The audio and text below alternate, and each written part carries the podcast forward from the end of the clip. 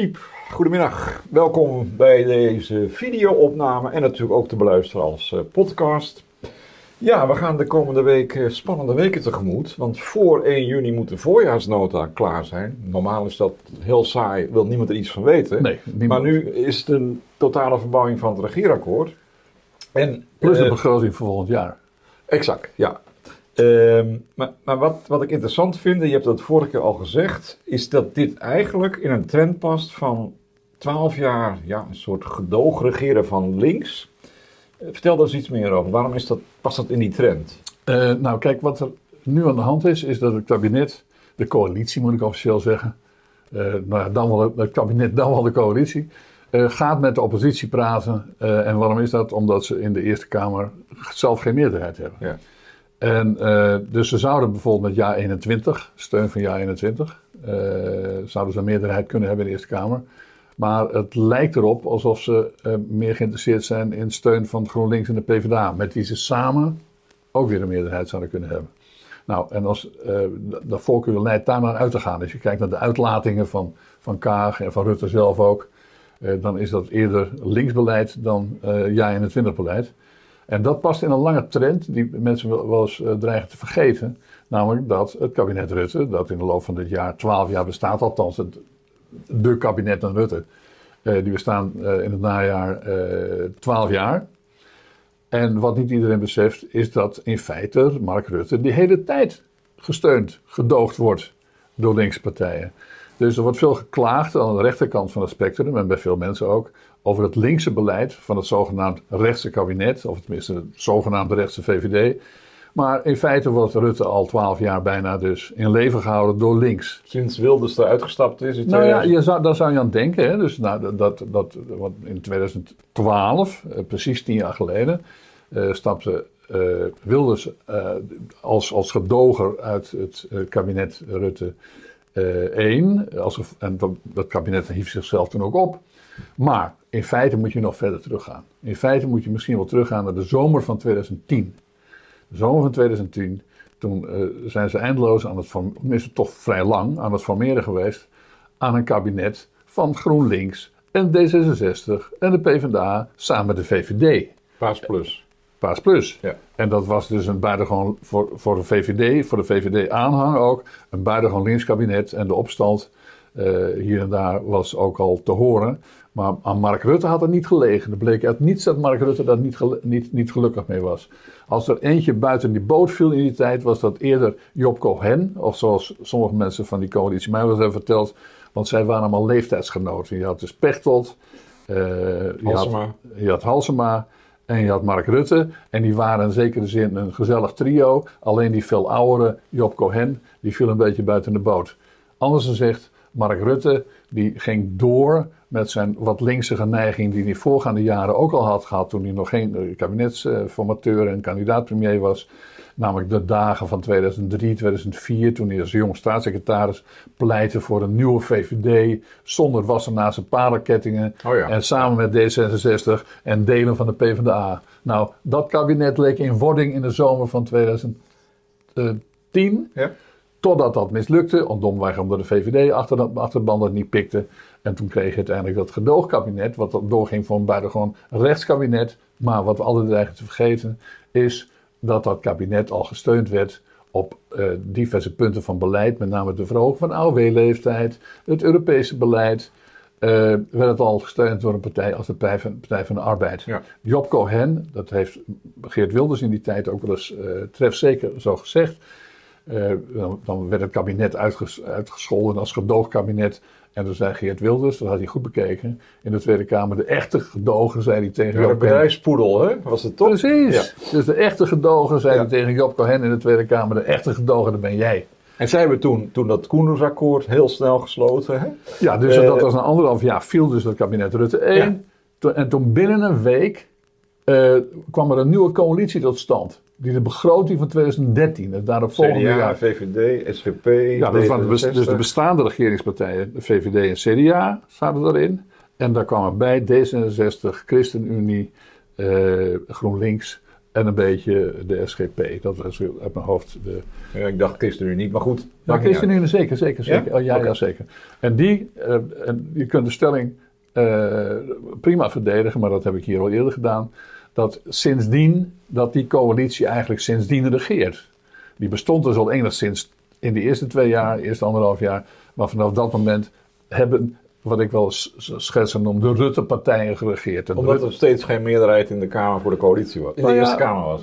Nou ja, of, of überhaupt geen meerderheid. Of, en, en- of omdat ze sowieso gezellig vonden met z'n allen. Ik bedoel, eh, de prijs die de partijen ervoor betalen is het onderscheid tussen hun onderling natuurlijk eh, totaal aan het wegvallen is. Wat zijn, je kunt wel in verkiezingstijd doen alsof je vreselijk veel eh, verschil maakt. En je kunt wel een jaar gaan zitten formeren zoals in 2021 is gebeurd. Maar waar gaat het eigenlijk over? De, de, de onderlinge verschillen zijn niet zo bijster groot. Eh, als er verschillen zijn, dan is het vooral door de VVD altijd probeert de lastenverlichting voor bedrijven door te voeren. Eh, en, nou, dat is het ongeveer wa- waardoor de VVD eh, zich onderscheidt. Nou ja, stabiliteit, kiest een premier, hè, dat soort vage Ja, maar dat zijn, geen, dat, dat zijn geen inhoudelijke Nee, nee, verkiezingsprogramma's. nee, maar goed, daar stemmen mensen natuurlijk ook wel op. Nee, dat, maar goed, dat is verkiezingsstrategie. Dat is Ja. electorale strategie. Maar het inhoudelijk, eh, het inhoudelijk profiel van die partijen, dat is eigenlijk één grote... Dat heb Maar je er ook- ligt dus een soort deken van middenpartijen over Nederland al twaalf jaar. wat wij tegenwoordig middenpartijen noemen. Maar dekens zijn verstikkend. Of, Nou ja, maar om te beginnen, dat hele fenomeen van de middenpartijen spreekt men dan over. Je zou het ook kunnen noemen de, de Rutte-partijen ja, of de regeerpartijen. ja. Want de andere partijen die er niet bij horen, zijn de partijen die niet willen of mogen regeren. Ja? Dus we hebben regeerpartijen en niet-regeerpartijen. Re- En En, het zijn altijd dezelfde, zeg. en het zijn steeds dezelfde. En, die, en het is ook steeds dezelfde. Dus eh, kijk, laten we bijvoorbeeld even kijken naar kabinet Rutte 2 eh, van 2012, 2017. Eh, dat was officieel VVD, PvdA. Maar ondertussen, onderweg, werd het gewoon domweg gesteund door, eh, openlijk gesteund door D66 en GroenLinks. Eh, min of meer door GroenLinks. En, en het CDA deed officieel daar dan niet aan mee, maar in de praktijk stemden ze ook altijd mee. Ja, ja. Dus het, we, we hebben een bubbel van regeerpartijen, Rutte-partijen, middenpartijen die al twaalf jaar en zeker al tien jaar aan de macht is. En nu is het interessante, nu moeten de huidige vier partijen, die moeten natuurlijk weer, weer een meerderheid zien te organiseren. En wat doen ze? In mijn verwachting vallen ze gewoon terug op de reflex van de afgelopen tien jaar, misschien wel twaalf jaar. Namelijk dat ze het zich laten gedogen door links te weten, de Partij van de Arbeid. Maar waar- waarom weet je dat zo zeker? Want jaar 21 staat natuurlijk voor een streng migratiebeleid. Ja. Ook trouwens voor strenge overheidsfinanciën.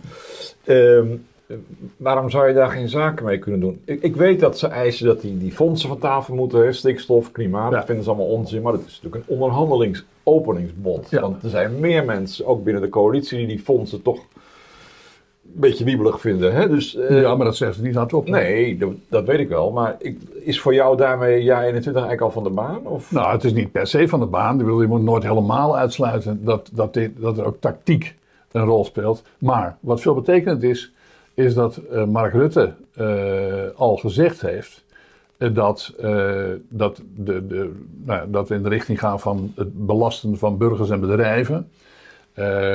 En dat is niet wat past in die, in die, in die rechtse, eventuele rechtse switch. Het past heel erg in de lijn van steun vergaren bij GroenLinks en de Partij van de Arbeid. Nou, dat heeft hij dus, wat is het, rond, dat heeft hij in de loop van april al gedaan.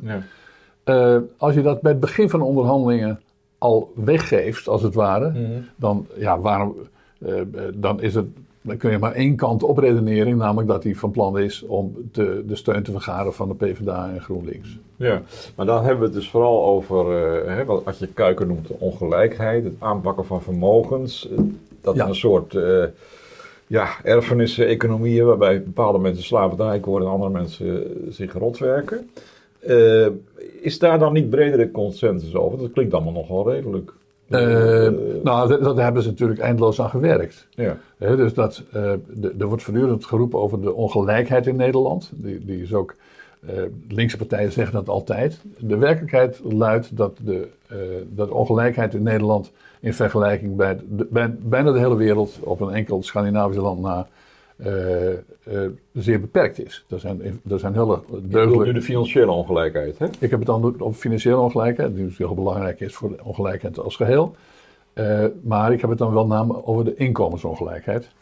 En inmiddels wordt dat ook wel erkend. Je had die Franse econoom Piketty, die beweerde dat de ongelijkheid in de wereld vreselijk toenam.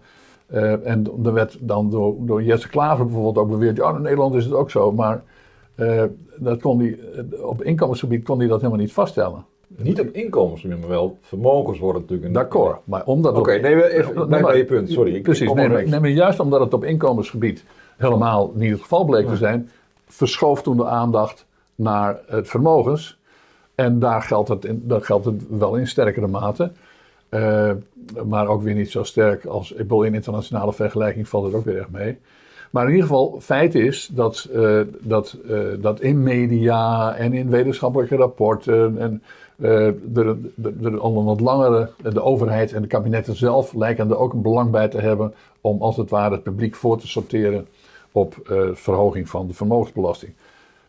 Vermogensbelasting of andere regelingen waarbij vermogens worden belast. Ja.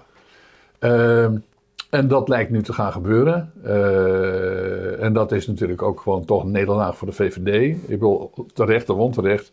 De VVD heeft zich altijd eh, tot beschermheer van die vermogens opgesteld. En die, die geeft, dit, eh, geeft dit weg, zou je kunnen zeggen. Bovendien komt er nog iets bij. Ja. Je kunt je afvragen. Ze moeten dus iets tussen de 10 en de 20 miljard moeten ze zien te vinden. En dat kun je doen door minder uit te geven of meer inkomsten te genereren. Nou, het, er is weinig waaruit blijkt eh, dat ze druk bezig zijn met minder uit te geven. Het is een, uitga is een, een, een, een, een, over de balk gesmijd kabinet. Dat is iedereen het over eens. Je hebt het over de fondsen nu, hè? Onder meer, het totaal, het, het uitgaven, eh, de uitgaven. eh, Wat het meest opvallend is inderdaad wat ze voor klimaat en voor stikstof en zo. Er zijn er nog meer fondsen trouwens. Hè. Misschien is het wel handig om er even bij te vertellen. Dit nieuwe kabinet, nieuw, zit er een paar maanden. Eh, dat komt dus niet alleen met 25 miljard voor de stikstof over 15 jaar. 35 miljard voor het klimaat in 10 jaar. Maar ze hebben ook nog 5 miljard voor, al, voor wetenschappelijk onderzoek. Waarvan niemand weet wat het Ja, precies dat Dijsselbloemfonds. Toch? Nee, dat is Oh, weer iets anders. dat is nee, nog nee. weer een ander fonds, ja.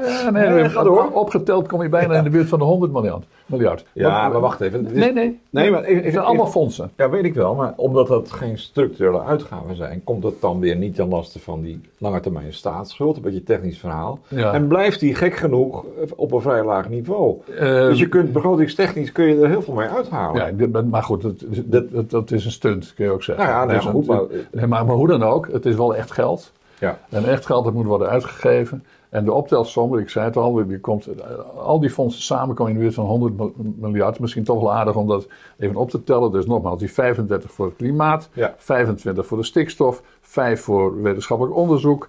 Eh, dan hebben we ook nog het Wopke Wiebes Fonds. Ja. Dat nu geleid wordt quasi door, eh, door Jeroen Dijsselbloem van de PvdA. Eh, en dat is ook iets van 20 mil- miljard. Dus dan zitten we al op 85 miljard. En dan hebben we ook nog, wat eerder het Wouter Bos Fonds was, dat is een Nationaal Investeringsfonds. Oh ja. Ook een, iedereen vergeet dat, maar dat was een, ook al zo'n, nou dan zit je in de buurt van een 90.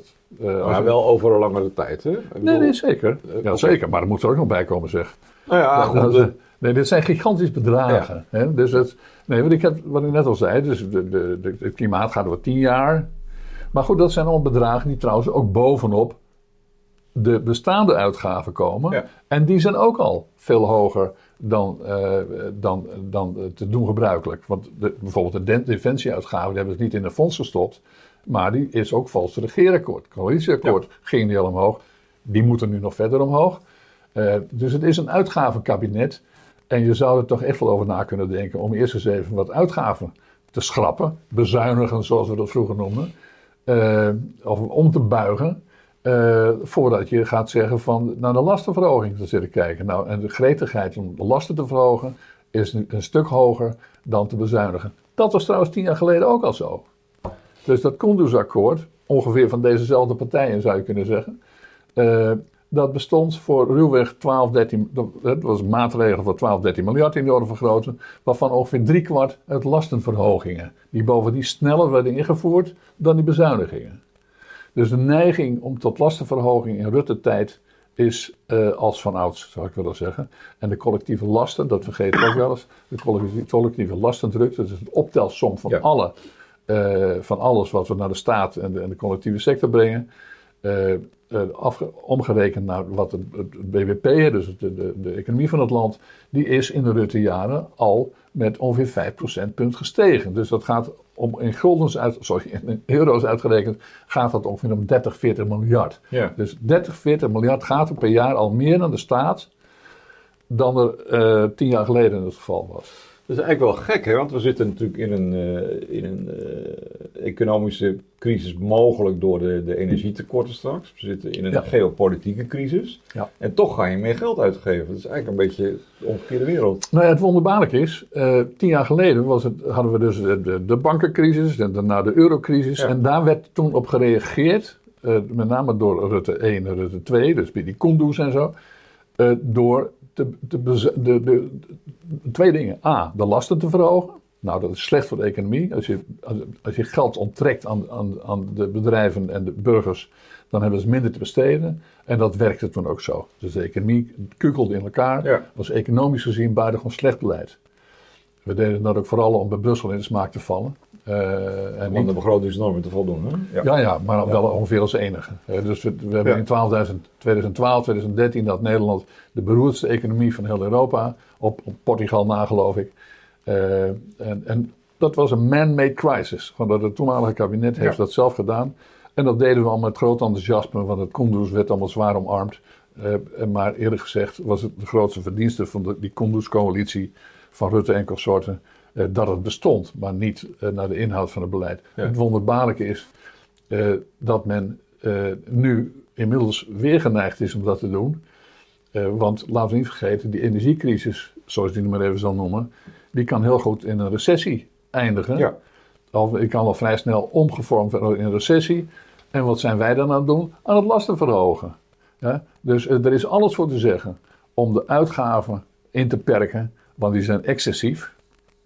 Maar je moet wel erg opletten of je de economie niet gaat zitten schaden. Maar volgens mij ben jij de enige, samen met Kees van der Staaij van de SGP, die dit nog roept. Dit, dit hoor je bijna niet meer. Uh, In Den Haag althans, hè? Nee, maar let wel. Uh, in een, tien jaar geleden zei ik, had ik ook dezezelfde analyse over de slechte effecten van het bezuinigingsbeleid van toen. Of Ja. het lastenverzwaringsbeleid van toen. En dat was, eh, eh, overigens, er was nog één. Diederik Samson van de PvdA, de leider van de PvdA, toen vond het afhankelijk ook. Maar ging vervolgens mee in het orkest van, eh, nee, eh, lasten verzwaren en weet ik veel wat. Allemaal van Brussel. Dus ja, soms moet je gewoon even wat kalm blijven terwijl de optocht de verkeerde weg inslaat. Maar er zijn natuurlijk heel veel mensen die zeggen van hè, al die grote aandeelhouders in box 2, die wordt wel een pretbox genoemd, die kunnen Mhm. best wat meer belasting betalen. Eh, bedrijven die, die kunnen best wat meer winstbelasting betalen. Althans, de voorgenomen verlaging Ja. kan achterwege blijven. Eh, is dat economisch schadelijk, denk je, of, of kun je dat ongestraft doen? Want nou, dat is veel mensen Potentieel, potentieel is dat schadelijk, maar wat ik het grootste bezwaar wat ik heb tegen de huidige manier van denken is, is dat eh, je geeft waanzinnig veel geld uit en dan zijn er wat tegenvallers en misschien vallen wat inkomsten weg en wat, hoe los je dat op? Door de lastenverzwaringen. Ja? Terwijl, Ja. terwijl de, de juiste manier van denken hoort te zijn, je geeft te veel geld uit en dat los je op door minder uit te geven. Ja, dus eh, waar, als, het, als een staat een denkfout of, een, of heeft of pech heeft, dan moet hij dat in eigen huis oplossen en de rekening niet doorsturen naar de samenleving. En dat is wat ze nu in eerste doen. Kijk, het is natuurlijk wel denkbaar dat ze uiteindelijk toch nog wat in eigen vlees gaan snijden. Maar die gigantische potten waar we het net over hadden, daar, daar is officieel, misschien binnenskamers wordt er wel gezegd van ja, misschien dus moeten we toch aan het stikstofgeld komen. Let wel, die stikstofcrisis, er is geen enkel land ter wereld dat een stikstofcrisis heeft. Dat kan geen toeval zijn. Alleen een beetje in Vlaanderen, want dan kijken ze wel eens naar de Nederlandse televisie. Voor de rest bestaat in de rest van de wereld bestaat geen stikstofcrisis. Nee. En eh, het belangrijkste effect van die stikstofcrisis is overigens niet, eh, is gewoon dat de helft van de Nederlandse boeren willen uitkopen, of minstens een derde. Eh, dus je, je, je geeft dan miljarden uit per jaar om een deel van de economie eh, te laten stoppen. Te saneren eigenlijk. Precies, daarmee, daarmee houdt dus een stuk van de economie op. Je Ja. geeft geld uit om de, de- om de economie eh, te, te verkleinen, daar komt het op neer.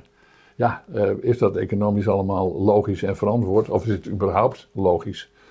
Zo'n stikstoffonds, moet je je afvragen. Maar die stikstof- en klimaatfondsen, dat is natuurlijk ook een beetje in koor op de molen van GroenLinks. Hè? Misschien ook Partij van de Arbeid. Mhm. Dus die, die zullen dat ook niet gaan weggeven. Ik bedoel, eh, Misschien niet, misschien niet. Eh, Het is natuurlijk vooral binnengehaald in de eerste plaats door, eh, door mevrouw Kaag van Ja, ja. de D66. Daarbij vaak, maar niet altijd, gesteund door de ChristenUnie. De ChristenUnie is wel erg voor het klimaat, maar ook een beetje voor de boeren. Dus dat is een beetje lastig voor ze. Eh, maar goed, dan, mocht het zo zijn, dan blijft, mijn, eh, dan blijft mijn stelling dat de Rutte-kabinetten al twaalf jaar leunen op links. En dat dat, eh, en dat nu misschien wel meer is dan ooit. Eh, en dat is, misschien is dat heel fijn voor de samenleving, maar de samenleving heeft er niet om gevraagd. Als je kijkt naar hoe de, de mensen denken over zichzelf, ja. de merendeel van de Nederlanders vindt zichzelf niet links. Dat is, dat, is, dat is hooguit een derde van de bevolking die links wil zijn. Je ziet het trouwens ook aan de uitslagen. Ja, de partij, ook de Partij van de Arbeid, die van een grote partij in 2012 eh, tot een mini-partij in Ja, van 2017. 43 naar ne- Oh, pardon. Ik word er zelf emotioneel van. Dat was de ondergang van eh, mijn water. Ja. En niet van de Partij van de Arbeid. Ja. Maar nee, inderdaad van 43 naar 9. Dus, Ja. eh, maar, maar eigenlijk... nou, eh, dat was 38 geloof ik. Maar goed, Nee, maar goed, eigenlijk zeg je dus, ja, hoe klein ze ook zijn, hoe, hoe, hoeveel macht ze eigenlijk hebben. Hè? Dat Ja. Getalsmatig klopt dat helemaal niet. Nee, dat klopt niet. En dat, is, dat, dat speelt ook eh, het, het, politieke proces ook parten. Want terwijl dus deze, de regeerpartijen, zal ik maar weer noemen, of de Rutte-partijen, eh, dus steeds maar weer afdwalen naar links. Of dat nou gaat met eh, stikstof, of met het klimaat, of eh, de ontwikkelingshulp is ook weer omhoog gegaan bijvoorbeeld. Eh, en met de uitgaven als zodanig, veel uitgeven is ook in principe eerder een links- dan een rechtsagenda. Ja, kun je je afvragen of dat wel de agenda is die aansluit bij de meerderheid van de bevolking. Ja. En dat zie je natuurlijk ook, want waarom hebben ze extra partijen nodig in de, in de Eerste Kamer? Omdat ook de Eerste Kamer, hoe heet het, samenstelling wel eh, wijst in de richting eh, dat, eh, dat, laten we zeggen, het draagvlak voor de regeerpartijen steeds smaller wordt. Ja. En dus hebben ze steeds meer moeite om de, de clubjes bij elkaar te houden. Ja, dat kan volgend jaar nog smaller worden na de verkiezingen, maar goed. Zeker. Ehm, even tot slot. Eh, dit is een fantastische kans om nou eens die nieuwe politieke cultuur eh, tot uiting te laten brengen. Hè? Want Ja. Jesse Klaver hoorde ik zelf zeggen, ja, je hoeft helemaal niet Nieuwe bestuurscultuur noemen ze dat dan, hè? Wat zei ik dan? Nieuwe bestuur, nee, ook noemen ze weer de cultuur. Maar Ja, de- bestuurscultuur, de- ja, bestuurscultuur. Ja, Haag. ja, ja. En Jesse Klaver zei, nee, dat is fantastisch. Je hoeft helemaal niet langs te komen. We gaan het allemaal in het openbaar doen, dit, Ja, die onderhandelingen. ja, ja, ja. Nou, ik, ik verheug me daarop, maar acht je die kans... Nee, die kans is natuurlijk nul. Ja. Eh, kijk, net zoals er, dit is in feite een, een, een verlenging van het regeerakkoord, van de coalitieakkoord Ja. afspraken. Daar hebben ze een jaar over gedaan. En trouwens, toen eh, het kabinet ging regeren met het coalitieakkoord in januari, toen was er al enige rommel aan de horizon. Die energiecrisis die tekende zich al maanden af. ja, ja. En, Ja. eh, en even later had je ook... lopen, Precies. En toen al zeiden ze, nou we kijken we wel bij, het- bij, bij de voorjaarsnota. Ja. Dus eh Kaag met name zei dat. De minister van Financiën tegenwoordig.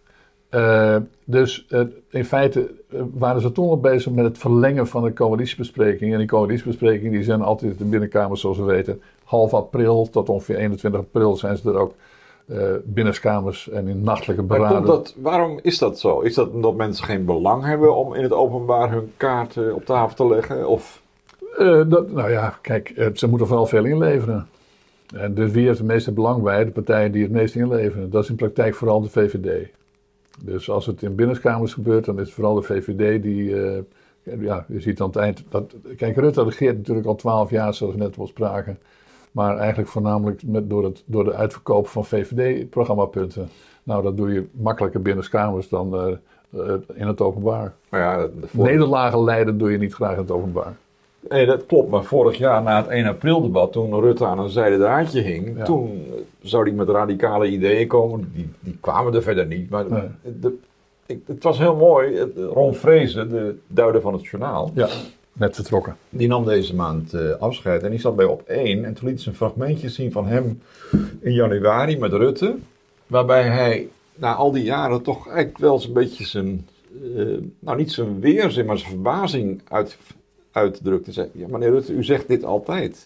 Ja. Een soort automatisch piloot. Eh, Rutte heeft ook wel aangegeven, dat was niet zo'n gelukkig interview. Maar wat ik ermee wil zeggen is dat het voor Rutte blijkbaar business as usual is. En je merkt niks van die nieuwe cultuur. Nee, toch? nee, nee. Maar, maar kijk, Rutte eh, heeft daar geen enkel belang bij. Eh, hij is, wat is de kracht van Rutte? Eh, nou, A, zijn souplesse en flexibiliteit. Dus eh, ook een soepele omgang met de waarheid, we maar zeggen. Eh, dus hij knoopt alles aan iedereen aan elkaar. En daardoor heeft hij steeds net een meerderheidje om door te kunnen Ja. regeren. En dat verdraagt zich slecht met nieuwe bestuurscultuur en openheid en, en transparantie. Ja, want jij zei toen al, herinner ik me een jaar geleden, dat wordt niks. Nee. Omdat je Rutte kent. Nou ja, zelfs een krantenlezer zou hem kennen of een televisie kijken. Ja. En dat is, eh, eh, nou ja, je zou zelfs kunnen zeggen dat past in die reeks van, eh, die lange reeks van, van, van gebroken beloftes. En, Maar dat, dan, dan, dan moeten we toch vrezen voor een toneelstukje straks. Dat ze net gaan doen alsof het alles in het openbaar wordt uitgevochten. Terwijl alles al beklonken is. Want Ik- Jesse Klaver zal toch graag willen uitstralen. Jongens, het gebeurt hier in de arena. En Ja. kom maar op. Ja, maar... Of is dat een mix van die twee? Nou, dan, dan, methodes. dan- dan moet ik dat voorspellen. Dat weet ik natuurlijk niet precies hoe het gaat. Maar eh, de kans dat ze, eh, dat ze en plein publiek in de Tweede Kamer gaan onderhandelen over de inhoud van de voorjaarsnota. Dus over de inhoud van de, van de miljoenennota en de inhoud van het nieuwe coalitieakkoord. Of het aangepaste coalitieakkoord. Die kans acht ik heel klein. Ik heb, eh, wij hebben niet alle parlementen overal ter wereld in de geschiedenis bestudeerd. Maar ik, ik heb het eigenlijk nog nooit ergens gezien. Ik bedoel, eh, het is eigen aan de politiek om dingen voor te koken en, en af te tasten, toch? Is, het is ook verder geen schande of zo, maar het kan blijkbaar niet anders. Eh, Of is, kun jij voorbeelden uit de geschiedenis waarbij het wel werkt, zo'n systeem? Nou, nee. Maar, en we kunnen wel zeggen dat naarmate het. eh, eh, naarmate eh, de, de- de- je meer met coalities en brede coalities werkt, eh, de kans op transparantie afneemt. Ik geloof wel dat je dat kunt. Ik stel me zo voor dat als je in een, een twee-partijen-kabinet, eh, sorry, in een twee-partijen-stelsel zit, dus eh, wat je tot op zekere hoogte hebt in, eh, in de Verenigde Staten en in, in, in Engeland bijvoorbeeld, daar heb je mensen, heb je parlementariërs die hun eigen achterban hebben. Dan gaan Ja. Binnen de fractie gaan ze verzetten. Precies, dus die, die, die, en, en dat zie je ook. Dan, Ja. dan zie je ook dat de parlementariër van het district zus of zo, die mensen hebben hun eigen achterban. Die moeten, die moeten de, de gebroken beloftes en de leugens moeten thuis aan hun eigen achterban zien te verkopen. En dat doen ze in het openbaar. Nou, nee, omdat ze dat thuis moeten zien te verkopen in het district Sandringham, ik roep maar wat, waar toevallig een paleis staat, maar dat te zijn. Eh, eh, dan hebben ze, ze ontlenen hun status als parlementariër aan, aan hun eigen achterban. In het, het, het district Oost-Groningen, zal ik maar zeggen, Ja. of het Amsterdam-Noord. Ja. Eh, en, en daar is de partij minder de baas. En, en, en dus hebben ze ook meer vrijheid om in het parlement, meer ruimte om in het parlement voor zichzelf op te komen en voor hun eigen achterban Ja. op te komen en af te wijken van de fractiediscipline en de partijlijn. Dus wat dat betreft wel iets En, en, en nou, dat leidt tot een meer open stelsel. ja. Eh, veel helderder dan hier, waar de, de, in feite natuurlijk de Tweede Kamerleden geen volksvertegenwoordigers zijn, maar partijvertegenwoordigers. Hoe, hoe treurig het toch mag, mag heten. Ja, nou moet ik er wel bij zeggen, maar dit voert misschien te ver dat er ook veel kiezers in die districten zijn die nogal teleurgesteld zijn, omdat je met 49% van de stemmen toch een zetel kan kwijtraken. Nee, Want nee, maar ik, ik zeg niet dat het districtenstelsel of ieder districtenstelsel per se is- beter winner is. takes all is het dan, hè? De- Zeker, Ja. nou, maar goed, er zijn allerlei varianten op te bedenken, maar eh, met allemaal nadelen vaak ook.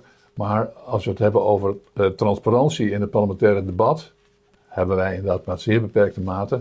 En mijn stelling luidt dat als, als je parlementariërs hebt die volksvertegenwoordigers zijn in plaats van partijvertegenwoordigers, dat de kans op een transparant parlementair debat groter is. Ja, maar dit debat, ja, sorry, ik word oud misschien, maar dat is ook al sinds de, mee hoor. Ervaren dat- hadden we afgesproken.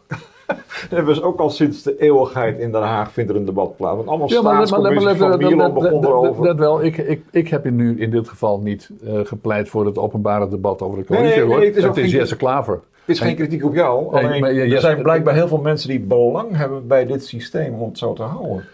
Maar natuurlijk. Dus- En vooral de regerende partijen. Ja. En, er is, en ik heb al gezegd, als er één regerende partij is die er belang bij heeft om het zo te houden, dan is het de VVD van Mark Rutte. Want die, die levert voortdurend het meeste in. Waarom vraagt Jesse Klaver juist om het openbare debat? Omdat hij graag het debat wil waar Rutte inlevert en hij wint. Ja, omdat hij nog niks gewonnen heeft, omdat hij niet in de Bijvoorbeeld. zit. Nou ja, en omdat hij natuurlijk toch uiteindelijk ook nooit echt serieus zetels wint. Hij heeft alleen maar verloren bij de laatste verkiezingen. Ja. Laten we niet vergeten. Je zou bijna, als ik jou zo hoor, pleiten voor wat ze in Amerika eh, hebben en in Frankrijk. Om na twee termijnen tegen de regeringsleider te zeggen: eh, stop ermee. Zeker, Maar- maar daar hebben ze een presidentieel stelsel. Ja, dat is en waar. wij niet. En dat is, eh, ik denk dat het eh, staatsrechtelijk zelfs onmogelijk zou zijn om dit... eh, ja, omdat die verkiezingen soms ook heel snel naar elkaar zijn. En trouwens, diezelfde Rutte-partijen zouden ook kunnen afspreken... we doen het nou eens een keer zonder Rutte. Dat hebben ze trouwens een jaar geleden geprobeerd en dat is mislukt. Oh ja, ja. toen zei Gert-Jan Segers nog: je komt er niet meer in. Hè? Precies, precies, precies. Dus Rutte is sterker gebleken dan zijn Rutte-partijen. En dan hebben we het weer over wat je eerder zei: de grote leegte binnen de VVD achter Rutte. Maar Ja, dat is misschien weer een gespreksthema voor de volgende keer. nou ja, de Telegraaf heeft daar, heeft daar de steen, eh, eerste steen geworpen.